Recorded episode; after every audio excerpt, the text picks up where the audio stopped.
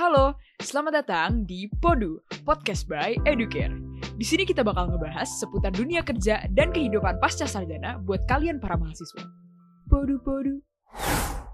Hai Edusias, balik lagi bareng gue Indi di Podu, podcast by Educare.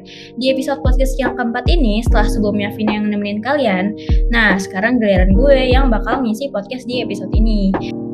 Di episode ini gue pengen bikin sesuatu yang berbeda nih. Kalau di episode-episode sebelumnya kita ngebahas tentang topik-topik seputar IT. Kali ini kita bakal ngebahas tentang pekerjaan di luar dunia IT. Untuk itu tentunya gue nggak sendirian. Kali ini gue juga bakal ditemenin sama narasumber yang apa ya mungkin karena keren pun nggak bisa ngedefinisikan gitu seberapa kerennya narasumber kita hari ini. Oke tanpa basa-basi kita sambut aja kali ya. Halo Kak Irfan. Halo Nindya. Halo Kak. Thank you udah ngundang, makasih banyak udah ngundang. Iya Kak, ya Allah. Thank you aku udah datang hari ini. Aku yang terima kasih loh Kak. Sama. Oke, boleh boleh dong Kak perkenalkan diri Kakak dulu. Boleh. Uh, nama saya Irfan Helmi. Uh, dipanggilnya biasanya Irfan atau kalau di Fasilkom UI panggilnya namanya Adong. uh, angkatan 2000. Um, sekarang saya uh, co-founder dari Anomaly Coffee uh, dan juga Pipiltin Cocoa. Kalau Anomaly Coffee itu lebih ke arah uh, kurator kopi Indonesia. Kita ada coffee shop, ada roasting facility, ada importir, ada distributor mesin, ada juga Indonesia Coffee Academy itu juga sebuah perusahaan yang terpisah. Jadi memang sekolah kopi ya. Jadi memang oh. si Anomaly Group itu uh, fokusnya di perkopian. Nah satu lagi yang si Pipiltin Cocoa ini lebih ke arah um, uh, coklat. Jadi coklat Indonesia mulai dari Aceh sampai dengan Papua. Kita sekarang ada kurasi lima origin yang uh, kita udah distribusi nggak cuma di Indonesia tapi juga ada di Rusia, Jepang dan juga Singapura. Gitu kurang lebih. Oke, okay. oh my god. Berarti kakak um, beda 20 tahun ya kak sama aku karena aku angkatan 2020. Dikit lah, oh, dikit banget itu sih. Oke okay, kak. Nyambung lah. Bisa lah, bisa lah. bisa lah. Berarti kak uh, kesibukan kakak belakangan ini uh, ngurusin perusahaan-perusahaan kakak tersebut ya kak? Benar. Ya kesehariannya yang ngurusin itu sama satu lagi sih mungkin uh, saya juga volunteer uh, di ketu sebagai ketua dewan pengurusnya Sustainable Coffee Platform of Indonesia. Nah kalau hmm. uh, disingkat jadi Skopi ya. Nah kalau di Skopi itu kita ngurusinnya itu lebih ke uh, bagaimana kopi itu menjadi lestari, lestari alamnya, lestari perekonomian petaninya, sampai dengan lestari bisnisnya dari hulu sampai dengan ke hilir gitu. Oh. Lumayan, lumayan, lumayan seru. oh, Oke, okay. berarti uh, selain kakak ngurusin anomali dan pipiltin cocoa tadi, kakak juga aktif di Sustainable Coffee Platform of Indonesia. Sesuai dengan topik kita hari ini, yaitu IT non-related jobs atau pekerjaan di luar bidang IT. Tadi kan kakak sudah menyebutkan bahwa kakak adalah co-founder dari Anomali dan Pipiltin Cocoa. Nah, boleh nih Kak diceritain pengalamannya uh, dari awal Kakak bikin bisnis tersebut? Sebenarnya pas lagi, jadi gini ya, sebelum masuk ke UI, ke Fasilkom, kan mikir kan mau masuk mau masuk apa nih? Terus tujuannya mau mau mau ngapain gitu kan? Sempat mau masuk apakah itu um, fisika gitu ya teknik fisika? Apa pernah juga pengen jadi uh, masuk ke FE UI terus uh, pernah juga pengen masuk ke apa? Jadi matematika ya karena itu kan basisnya dari segala ilmu gitu kan. Nanti S2-nya ngambil apa gitu kan? So tau deh pokoknya dulu kan mau maunya banyak gitu. Tapi lama-lama uh, makin yakin wah ini kayak masuk Fasilkom seru nih. Karena uh, ngelihat ke depan tuh uh, ilmu komputer tuh pastinya akan sangat relevan ya gitu ke bahkan sampai 20 tahun sampai sekarang kan kayaknya malah mas makin kenceng gitu relevansinya ya terhadap kebutuhan uh, manusia gitu. Nah, yeah. tapi ya namanya kita juga punya rencana, punya punya mimpi. Nah, ini juga satu nih, mimpi itu di garis bawahin ya. Nah, kita kita coba definisiin mimpi nanti mungkin ngobrolannya seru tuh nanti uh, apa namanya? Gue bisa jabarin tuh mimpi itu kayak gimana yang yang gue persepsiin ya. Nah, kalau kita ngeliat ngeliat mimpi di awal gitu kan, wow punya bayangin tuh, punya bayangan kan berkarir eh, di ilmu komputer, terus kemudian menjadi software engineer, kemudian bisa jadi bahkan jadi apa uh, chief information officer misalnya, atau bisa buka perusahaan IT atau software house sendiri, gitu kan mikirnya begitu kan. Yeah, terus yeah, juga uh, kakak-kakak kakak kelas kan juga ada ada Mamat Mamat 95 uh, angkatan 95 hmm. itu juga punya perusahaan gitu kan wah gila gue ngeliat tuh keren banget ya kayak gitu gitu hmm. namanya punya rencana punya mimpi ternyata ya uh, perjalanan tuh kan berkata lain ketika hmm. gue masuk tahun 2005 ya tahun 2005 itu kan keterima kerja di Siemens itu juga uh, apa namanya uh, seru tuh karena teman-teman banyak yang kerja di situ katanya seru gitu kan, wah masuk deh jadi software engineer ya untuk in, uh, intelligent network uh, disebutnya.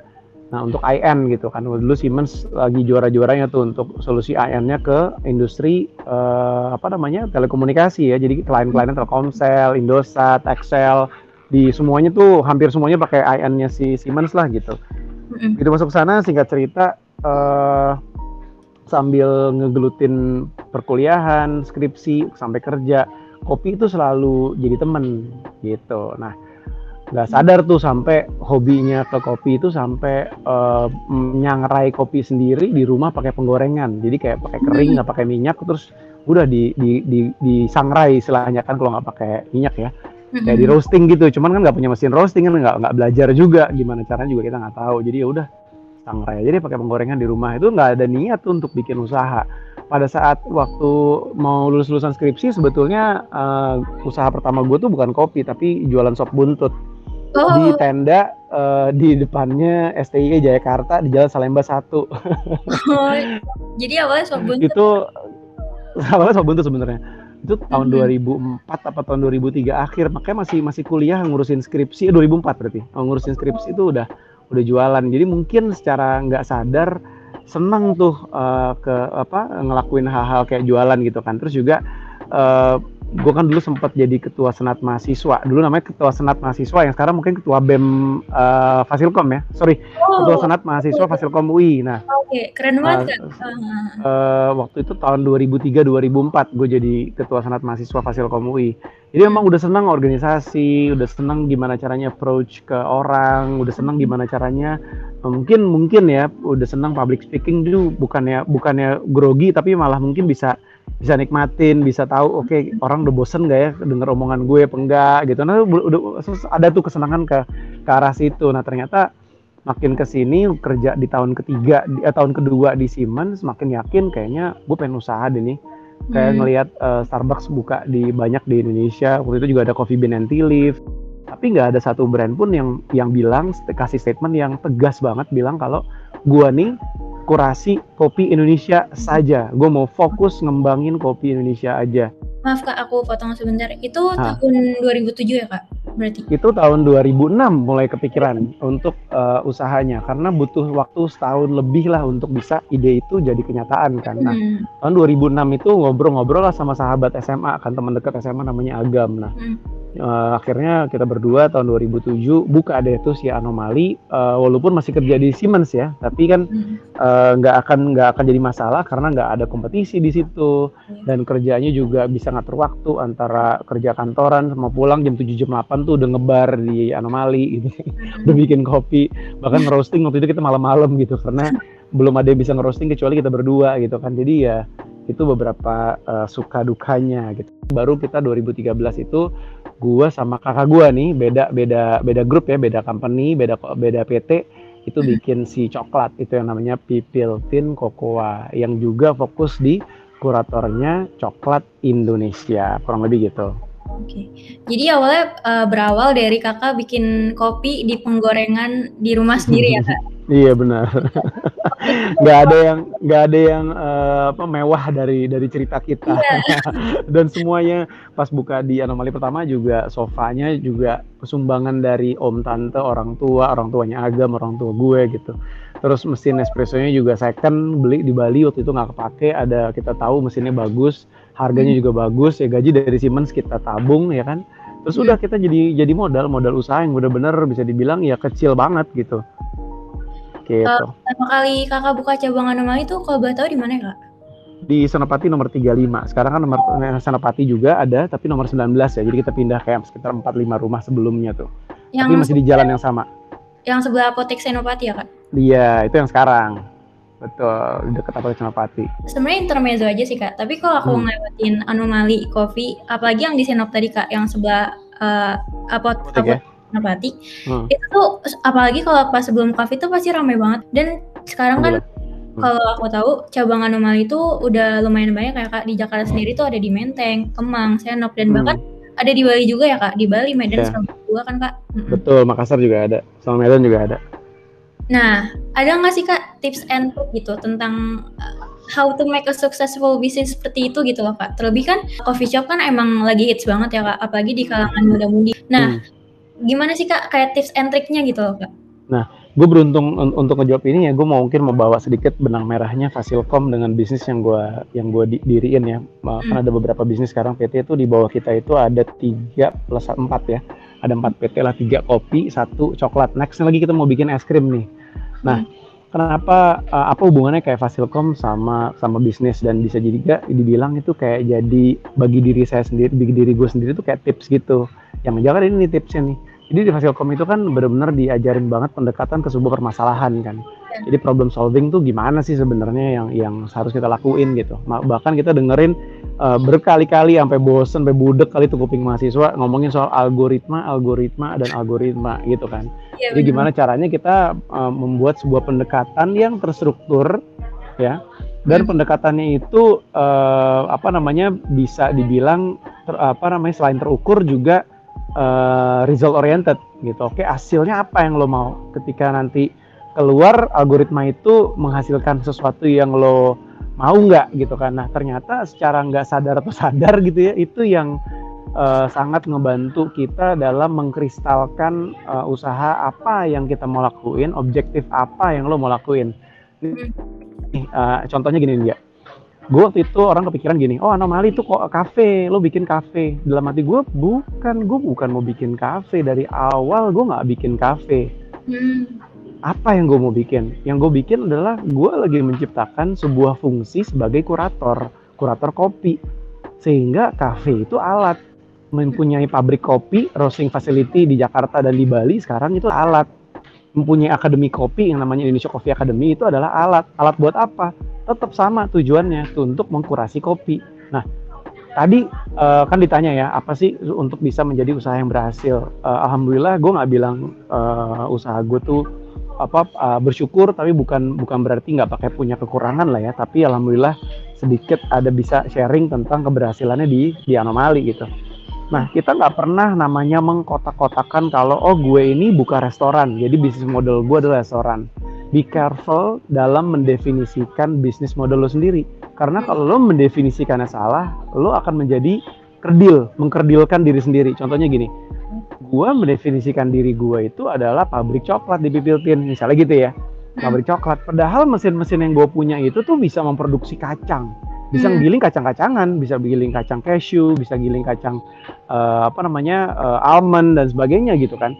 Nah hmm. kalau gue mem apa, mengkotakkan mendefinisikan bisnis model gue adalah pabrik coklat, jangan-jangan gue nggak bisa uh, berkembang sebesar uh, beberapa kombinasi kemungkinan dengan aset yang gue punya gitu. Aset kan gak cuma fisik ya, gak yeah. cuma mesin, tapi juga pengalaman. It's your asset, tapi intangible gitu. Nah dengan lo tidak mengkotak-kotakan bisnis model lo dengan yang dengan dengan kerdil ya lo bi kayaknya bisa jadi berpikirnya idenya itu bisa jadi kreatif banget gitu.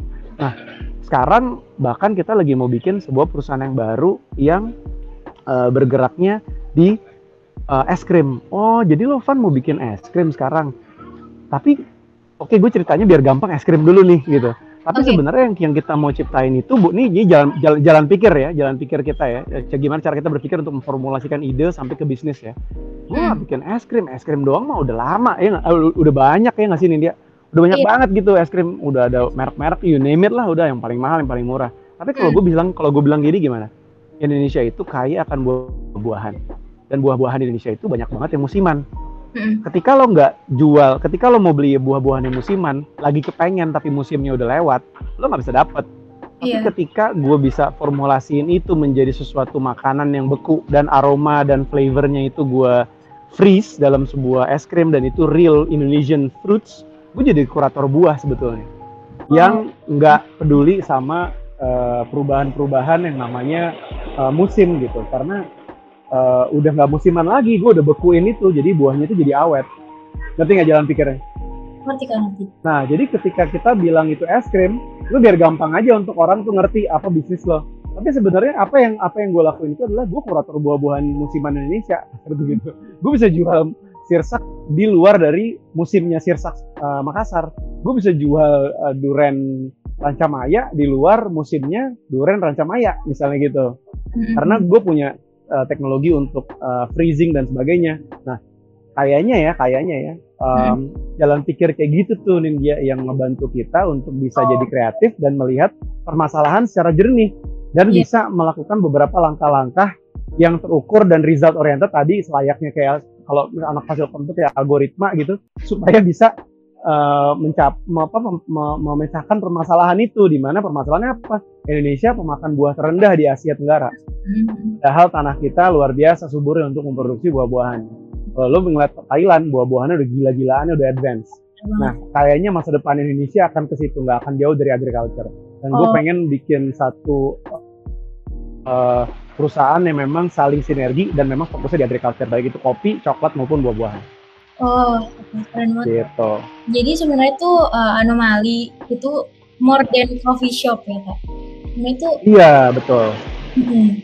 Nah, um, tapi kalau aku boleh tanya nih kak, Kakak kan uh, tadi alumni Fasilkom dan hmm. pasti kebanyakan alumni dari Fasilkom itu prospek kerjanya yang nggak jauh-jauh dari IT lah. Nah, kalau dari kakak sendiri, uh, apa sih kak yang benar-benar nge ngebikin kakak buat memutuskan untuk nggak kerja di bidang IT tersebut gitu kak? Oke, okay, uh, setiap orang itu harus uh, menjalani kegagalan. Itu harus, gitu nggak bisa nggak. Nah, mm -hmm. cuman bukan kegagalan yang diciptakan ya, tapi harus dalam arti kita tuh harus uh, bangun dan melihat potensi diri kita. Kalau gagal itu ya pasti Tuhan ngasih tahu lo sebenarnya, eh lo tuh jagonya bukan di sini, coba cari lagi deh gitu loh. Hmm. Jadi ketika gue waktu kerja di Siemens, gue ngeliat bahwa teman-teman gue tuh kayak pinter-pinter banget gitu kan. Lo tau lah Fasilkom yang kayak gue tuh Fasilkom coret lah bisa dibilang, nggak pinter-pinter amat. Tapi kalau teman-teman yang lain tuh, aduh gila, angkatan gue tuh Mirta, Haris, uh, Monza itu orang-orang yang jagoan banget tuh yang lain banyak banget lah Irfan, Michel, waduh banyak teman-teman gue semua tuh udah luar biasa deh mereka karirnya juga udah udah udah, bagus-bagus banget gitu di IT. Gue makin sadar kalau kalau gue terus ada di sini, gue nggak akan jadi orang yang um, bukan nomor satu berarti orang lain tuh nomor dua ya. Cuman kayaknya gue bukan potensi tertinggi gue di sini gitu. Jadi gue ngerasa kalau gue gue mungkin emang uh, bagus ketika meyakinkan sesuatu ke orang lain gitu. Kalau masalah presentasi mungkin orang lain tuh bisa percaya deh sama apa yang gue ngomongin misalnya gitu ya. Gue ngerasa tuh apa jangan-jangan emang salah satu kekuatan gue tuh uh, dealing with people gitu. Jadi gue makin ke sini makin ngerasa waktu di Siemens wah gue kayaknya nggak nggak kalau gue terusin nih gue nggak akan puas sendiri gue sendiri dan gue akan merasa gagal. Nah hmm. itu yang jangan sampai uh, lo nganggep bahwa kecil hati lo ngerasa nggak sepintar orang lain, abis itu lo ngerasa lo kalah gitu. Hmm. Nah tapi apa yang gue rasain justru malah malahan ini Tuhan lagi ngasih gue nih uh, arahan sebetulnya kalau gue lanjutin di sini, mas gue tiga tahun kan juga bukan waktu yang sangat sebentar ya tiga tahun tuh lumayan sih kalau menurut gue untuk kerja di perusahaan terus ngomonginnya benar-benar software engineer untuk intelligent network lagi fokus hmm. banget gitu sampai waktu itu juga gue sempat ditugasin ke Polandia, India, Thailand untuk megang beberapa proyek-proyek telekomunikasinya. Siemens global ya bukan lagi Indonesia. Tapi tetap aja gue nggak ngerasa kalau potensi gue di situ gitu. Nah di situlah gue ngerasa gue harus tes diri gue sih gue sebenarnya potensi gue di mana. Nah kalau misalnya ditanya gitu ya um, kenapa lo berusaha dan nggak nggak ngelakuin itu gue jawaban gue ya kalau nggak bisa orang ngotak-kotakin oh lo usaha berarti jago gitu ya gue pengen deh gue keluar kerjaan gue kok usaha. Nggak gitu cara mikirnya gitu. Hmm. cara mikirnya tuh gue usaha karena gue gagal dalam pekerjaan gue loh. Kebayang gak India jadi ketika gue usaha sekarang itu juga bukan karena gue ngimpi atau gue ngerasa berusaha itu lebih baik dibandingin sama bekerja. Bukan itu cara pikirnya Hmm. Jadi bukan gue pokoknya usaha baru gue nganggap diri gue keren, nggak sama sekali kayak gitu. Ini yeah. cara mikirnya bener gue kayaknya belum tested banget nih di sini karena kalau gue lanjutin gue pasti kayaknya akan akan banyak gagal dan gue nggak akan puas sama diri gue sendiri gitu. Hmm. Nah, udah gue coba yang lain gitu. Jadi kenapa gue berusaha karena gue mungkin agak gagal menjadi karyawan. oh iya. Tapi sebenarnya kalau dari dari reaksi orang-orang terdekat kakak tuh reaksi terhadap kakak buat bisnis di luar bidang IT tuh gimana sih kak? Dan tiba-tiba kakak bikin bisnis sendiri gitu. Berarti kan emang bukan minat kakak di sini. Kayak oh oke okay, berarti bukan minat gue nih di sini. Orang hmm. lain mandangnya gimana gitu pertanyaannya? Ya benar-benar. Uh, dari orang tua dulu deh ya kan? Nggak usah teman-teman deh. Hmm. uh, orang-orang tua tuh kayak kebingungan setengah mati gitu. Irfan nih SMP uh, sukanya fotografi ya kan? Hobi gue tuh fotografi sampai punya uh, rumah apa ruang gelap gitu di rumah gitu kan. Wah kayaknya jangan-jangan mau jadi fotografer nih curigaan pertama gitu kan. Terus kedua mau jadi apa namanya pernah mau jadi arsitek mau jadi ini udah jadi fasilkom udah muter-muter kan. Udah mau muter-muter gitu terus orang tua orang tua gue ngelihat gue ngelayanin orang di anomali kan. Hmm. gue nggak taking order uh, taking order kemudian sampai gue bikin minuman dan gue ngelayanin minuman itu di hmm. anomali sama Prati itu baru buka orang tua gue pulang bukannya gimana gimana bukannya bangga anaknya usaha atau apa enggak. Malah ngomong gini lo mau jadi apa sih Van? Lo udah muter-muter mau jadi A I U E O sekarang lo udah jadi fasilkom lo selesaiin fasilkom lo kerja di Siemens kerjaan lo udah bagus tapi lo mau jadi apa gitu? Lo jadi ngelainin orang? Lo jadi apa sih satu satu kafenya? Lo mau ngapain? Gitu loh. Hmm. nah itu komentar pertama. Terus komentar kedua nih temen gue di Siemens ya gue nggak sebutin namanya. Temen gue di Siemens ngomong gini ah lo usaha paling juga bosen lo gara-gara itu. Hati-hati uang lo ntar habis lo di anomali lo. Lo hmm. mendingan uh, apa namanya pikirin lagi deh lo lo ngapain mau mau mau jualan kopi gitu. Emang mau emang kopi mau apaan? Mau, mau kayak gimana? Ketahuan lo jualan rumah rumah makan kayak restoran kayak udah pasti gitu kan. Orang bakal makan setiap hari gitu. Hmm. ini bener-bener teman deket gue ya yang di Siemens yang ngomong kayak gitu. Nah uh, itu counter-counter orang gitu. Orang belum tahu visi misi lo tuh apa. Dia nggak oh. ngerti berarti visi misi lo tuh apa. Berarti itu teguran atau masukan buat lo sebetulnya supaya lo kristalin lagi visi misi lo dan coba komunikasikan ke mana dulu ke keluarga lo dulu deh. Dia ngerti nggak? Nah, pas dia lihat uh, oh ternyata mesin roasting datang gitu itu ya uh, berapa bulan semenjak kita buka. Terus kemudian orang-orang menghargai kopi Indonesia sampai kita masuk koran Kompas, NHK Jepang datang, uh, eh, CCTV dari CCTV itu uh, apa stasiun berita dari Cina ya, Cina main, mainland ya, datang buat interview kita itu di bulan kurang dari enam bulan kita buka loh India. Orang udah ngeramein gitu, udah ngeberitain si anomali nih jagonya kopi Indonesia. Terus kita rubah cara kita komunikasi dengan bulan keberapa tuh gue lupa ya kita kenain slogan slogannya kita tuh kopi asli Indonesia tuh. Kayaknya 3-4 bulan setelah kita buka kita keluarin slogan itu. Baru tuh kayak orang tua gue teman gue tuh wah this is serius sih this is serius sih gitu loh. Bayang nggak? Jadi ya, ketik, ketika orang-orang ngomong sama lo uh, yang bukan bikin hati lo senang hmm. itu harus lo rayain gitu. Hmm. oke oke. okay, okay gitu. Jadi nggak ada yang negatif tuh. Yang orang ngomong tuh nggak ada yang negatif. Kecuali memang dia berniat jahat dan berniat menjatuhin lo. Justru kakak nganggapnya positif aja lah ya. Iya karena itu yang justru ngebangun kita. Bener ya karena orang lain ngomong kayak gitu berarti oh lo berarti belum ngerti maksud gue ya mau mau bikin apa ya? Gue bukan mau bikin coffee shop loh. Gitu loh. Ya hmm. begitu ber berarti gue yang salah nih cara gue komunikasi ini gitu loh. Hmm. kebayang nggak maksud gue? Kebayang kebayang kebayang. Ah, ah jadi wah, cara komunikasi begitu gue ganti orang lain ngerti langsung Oh, oke okay, oke. Okay. Gitu. Dan kita ketika kita apalagi kita berusaha ya, apalagi kita jadi pimpinan perusahaan kan. Seberapa pun kecilnya perusahaan lo, seberapa pun besar perusahaan lo, lo ada pimpinan perusahaan lo gitu kan. Karena lo yang mendirikan lo jadi direktur utamanya lah dan sebagainya gitu kan. Iya. Hati-hati tuh sama pujian. Karena cobaan lo tuh nomor satu adalah pujian orang lain kepada lo. Karena orang lain yang di bawah-bawah lo tuh kan berusaha pengen nyeneng, pengen nyenengin lo dong. Iya benar-benar. Nah jangan pilih orang kayak gitu. Oh. Pilih orang yang melawan karena karena dia yakin dia benar. Ketika gue hire orang untuk kerjasama sama gue di perusahaan mana pun, gue hmm. pasti akan dealing sama orang yang lebih pintar dibandingin gue. Hmm. Karena gue pengen diajarin sama dia gitu. Oke, gue butuh marketing. Harus yang marketingnya jago, lebih jago daripada gue lah gitu. Masa jagoan gue daripada dibandingin dia gitu kan? Iya benar. Iya kan? Jadi jadi fungsinya dia itu apa kalau gue lebih jago? Iya iya. Ada fungsinya jadinya. Mm -hmm. Gitu kita jadikan kritik atau istilahnya kayak kalau misalkan ada masukan-masukan yang kurang baik kita jadiin saran kepada diri kita sendiri aja kak jadi sesuatu yang bikin yang bisa ngebangun diri kita sendiri ya kak iya benar benar banget lo lagi mau di, mau, mau disiapin jadi berlian tuh sebenarnya kalau lagi digituin orang kasarnya gitu loh Ya Iya, berlian kan sebenarnya uh, berlian itu kan un, apa unsur kimianya kan cuma karbon. Heeh. Karbon itu kan nggak ada harganya. Tapi begitu ditekan berapa miliar tahun di tekanan yang sangat besar per meter square gitu kan, jadi Hmm. berlian gitu loh. jadi kalau ada orang yang neken lo tuh berarti lo mau jadi berlian asal lo kuat aja ditekan. oke. Mungkin kita balik lagi ya kak ke bisnis kakak eh, yang anomali. Ada nggak sih kak struggle-struggle yang pernah kakak alamin selagi bikin bisnis kakak tersebut? Struggle tuh udah kayak makanan tiap hari sih. Jadi nggak ada tuh namanya oh mapan gitu ya, nggak ada yang namanya oke. Karena gini, kalau kita di, udah bikin perusahaan, ya, sampai misalnya perusahaan gede deh, uh, income-nya tuh sebulan misalnya udah satu triliun misalnya.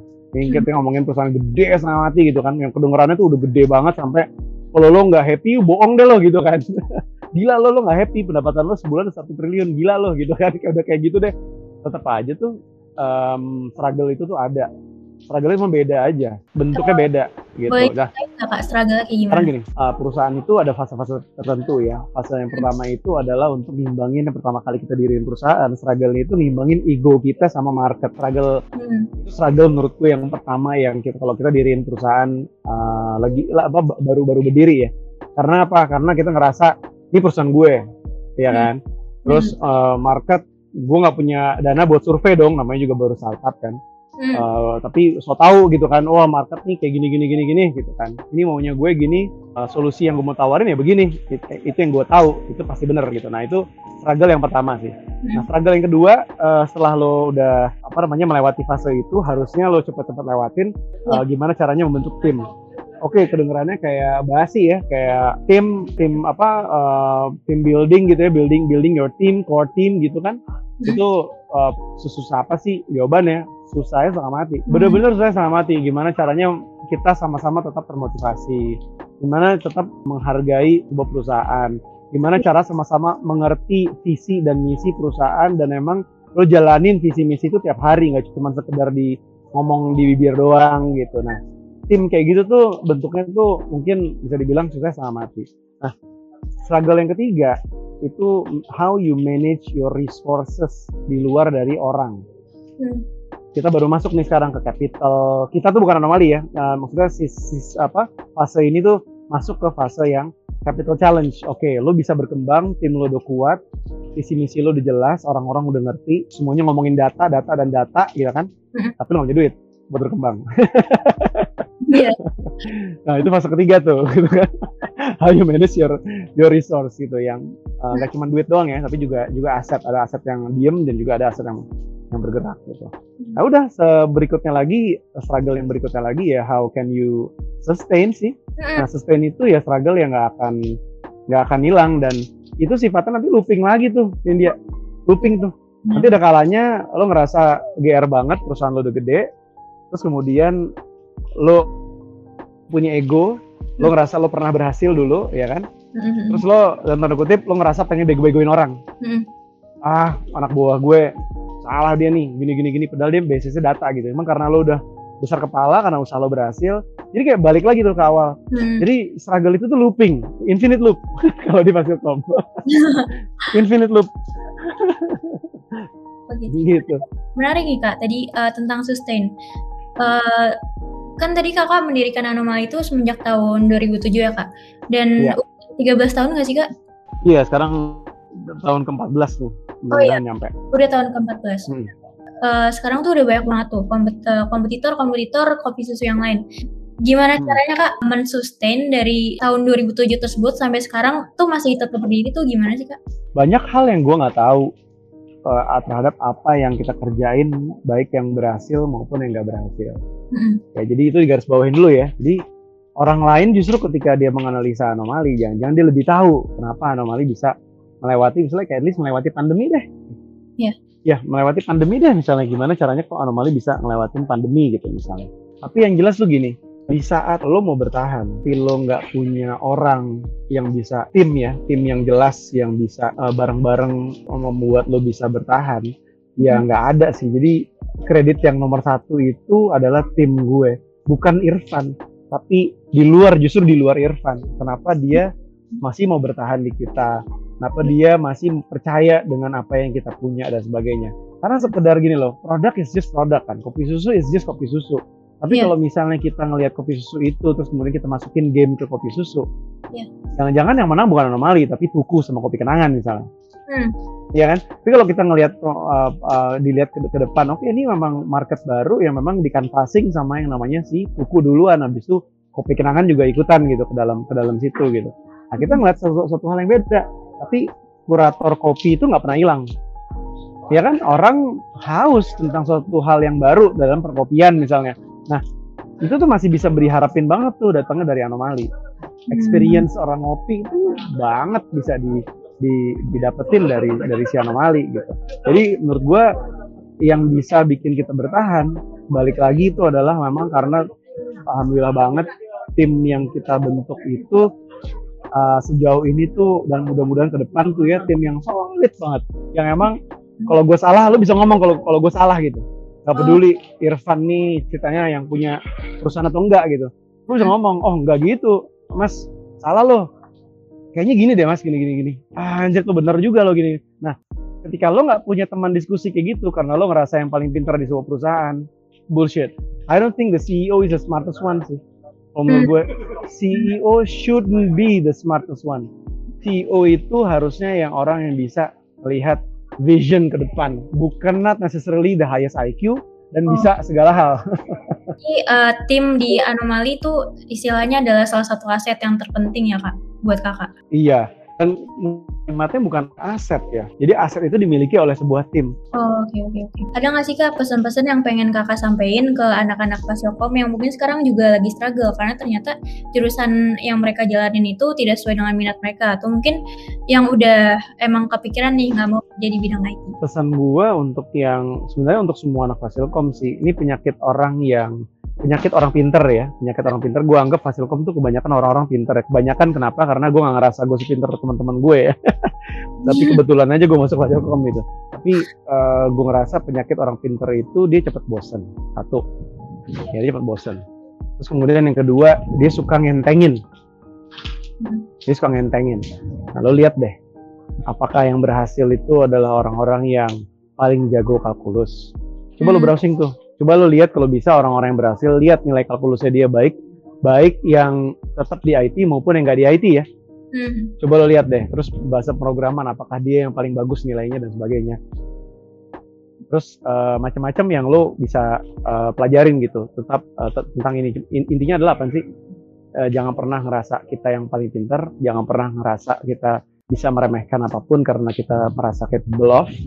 Terus juga eh, jangan ngerasa ketika kita udah dikotakin kita ini anak Fasilkom berarti harus menjadi Fasilkom gitu kan banyak apa ma- be- be- apa ber berkutat di dunia IT doang gitu. Nah, lihat aja yang namanya Irfan kasarnya lu bisa minimal kayak gitulah. Kasarnya gitu kan. Iya. Kalau serius minimal lu bisa jangan-jangan kayak gitu gitu loh. Eh, apa eh, yang yang gue lakuin sekarang. Gue yakin anak-anak Fasilkom tuh jauh lebih pinter dibandingin gua. Apalagi kalau dia bisa rendah hati dia dengar dari orang omongan orang lain dia bisa membuat tim. Nah itu kelemahan orang pintar juga tuh. Kelemahan Hmm. orang pintar itu tuh suka senang gak sabaran jadi suka ngelakuin segala sesuatu sendiri. Hmm. karena apa? Karena dia nganggap diri eh, di orang lain tuh memperlambat dia. Bukan Oh. jahat loh ya. Bukan Iya. bukan bukan berniat jahat loh. Tapi coba deh eh, coba deh taruhan yuk Nindya. Orang pintar tuh gitu penyakitnya dia Banyak. ngerasa Ya kan. dia ngerasa kalau gue satu kelompok nih sama orang gitu ya Hmm. nanti nanti yang paling pintar tuh biasanya udah kerjain banyak hal sendiri gitu Ya, iya, tanpa dia pengen teman-temannya padahal fungsinya edukasi itu kan pintar sama-sama Iya. ya kan bukannya eh, satu orang gue yang lebih pintar dibandingin yang lain bukan itu tujuan edukasi Mhm. ya kan nah Hmm. gue rasa eh, kalau untuk hasil kom ya karena gue tahu anak-anaknya tuh karakternya dulu tuh kayak gimana Hmm. mungkin eh, bisa tuh eh, bener-bener nggak ngotakin diri eh, kerja sama kerja sama tim Hmm. eh, kemudian nggak apa namanya lebih lebih sad- lebih sabar ya dan juga lebih apresiasi terhadap eh, mungkin keberhasilan orang-orang orang-orang lain yang nggak perlu cepat nggak perlu instan gitu proses dan prosesnya itu karena teamwork bukan karena prestasi dia sendiri gitu kali ya Oke. Jadi kita jangan uh, get ahead of ourselves gitu. Maksudnya get ahead of ourselves gimana nih dia? Jadi maksudnya kayak yang tadi kakak bilang kalau misalkan kebanyakan orang pinter tuh istilahnya kayak nge ngentengin gitu kan kak kayak ya udahlah istilahnya kayak udah jago jadi dia lebih nggak mau berkembang gitu kak. Iya bisa bisa larinya bisa nggak mau berkembang atau bisa larinya dia jadi orang yang susah banget kerja sama sama orang lain. Oh iya iya. Iya dan ya? iya jadi individualis gitu itu yang gue ngera itu yang gue lihat dalam beberapa orang-orang pinter yang pernah gue temuin ya. Jadi satu satu lagi boleh nggak nih dia satu, satu poin lagi gue lupa nyampein um, lo lihat deh software-software yang sekarang lagi berkembang itu um, yang kepake bagi masyarakat banyak itu itu tuh lahirnya bukan karena kita tuh um, nggak ngobrol atau kita punya ide sendiri atau kita kita nemuin uh, sebuah rumusan algoritma tertentu bukan karena itu tapi hmm. software-software yang kepake banget sama orang yang bisa bikin orang kaya raya gitu ya hmm. uh, dan bermanfaat bagi orang banyak itu software yang nggak cuma sekedar kaya raya doang itu hmm. karena dia mendengarkan problem orang lain sebetulnya iya hmm. iya kan bukan karena dia yang bisa nyiptain algoritma gitu hmm. Mungkin ketika orang yang bisa nyiptain algoritma yang penting itu ya kerja sama sama kerja di bawah orang yang sensitif terhadap melihat permasalahan orang lain. Kalau gue hmm. sih ngeliatnya gitu sekarang. Iya kan? Iya, iya benar. Nah, sekarang lu mau jadi orang kayak gimana gitu? Gak ada yang salah. Lo mau jadi orang yang memang jago bikin algoritma algoritma yang paling tokcer deh. Terserah deh mau bikin AI kayak mau bikin uh, apa namanya blockchain kayak gitu kan tapi the root cause root problemnya itu tuh jangan-jangan orang itu emang nggak pahami gitu yang pahamin tuh orang-orang yang sensitif terhadap permasalahan orang lain gitu mungkin itu uh, berarti banget pemikiran kayak gitu buat gue sendiri dan kayaknya juga buat orang-orang Fasilkom apa anak Fasilkom yang lain sih yang baik mau di IT maupun yang nggak di IT. Jadi banyak dengar-dengar orang lah masalah orang apa, nah itu ngebecain itu jadi hmm. manfaat orang lain dan jadi duit biasanya. Oke, bener banget sih kak dari yang tadi aku dengar dan makasih banget kak udah ngasih saran buat ke kami dan pastinya juga bakal berguna banget buat para edusias uh, ke depannya. Oke kak, sebenarnya kita udah hmm di penghujung dari podcast ini nih kak. Tapi sebelum kita hmm. pamitan nih, aku mau ngucapin uh, thank you so much buat Kak Irfan yang udah ngomongin waktunya yang pasti sibuk banget buat hadir di podcast yang ngebahas tentang non IT related job ini kak. Wah kita yang makasih diundang. Iya kak, ya ampun makasih banget. Dan kalau mungkin buat para edusias yang pengen eh, nanya-nanya ke Kak Irfan, mungkin ada beberapa edusias yang uh, tertarik gitu bikin bisnis sendiri. Boleh, boleh kali kak uh, kayak kontak-kontak ke Kak Irfan. Boleh lah, boleh lah. Banyak kok yang suka DM di Instagram juga ada. Dari situ kita tuker-tukeran nomor, kemudian ngobrol. Boleh, boleh banget. Oke, okay, Anytime. Boleh. Boleh banget tuh Inisias. Jadi nggak uh, usah sungkan-sungkan ya kak, langsung DM. Nggak usah, apalagi nama Silkom. At Betul. Irfan Helmi aja, at Irfan Helmi Instagram. Nanti kita DM-DMan dulu di situ. Jangan lupa juga buat para edusias, buat kali aja mau nge-follow Instagram Kak Irfan, at Irfan Helmi. Oke. Okay. Boleh, boleh. Oke okay, kak, buat gue undur diri nih para edusias. Tapi jangan lupa buat pantengin terus Instagram Educare at educarefasiokom buat update-update tentang kodu pastinya dan juga follow Spotify ini untuk episode-episode selanjutnya. Gue Indi pamit undur diri, sampai jumpa di episode kodu selanjutnya. Dadah! Thank you for flying with us. Educare 2021, fly higher, soar further.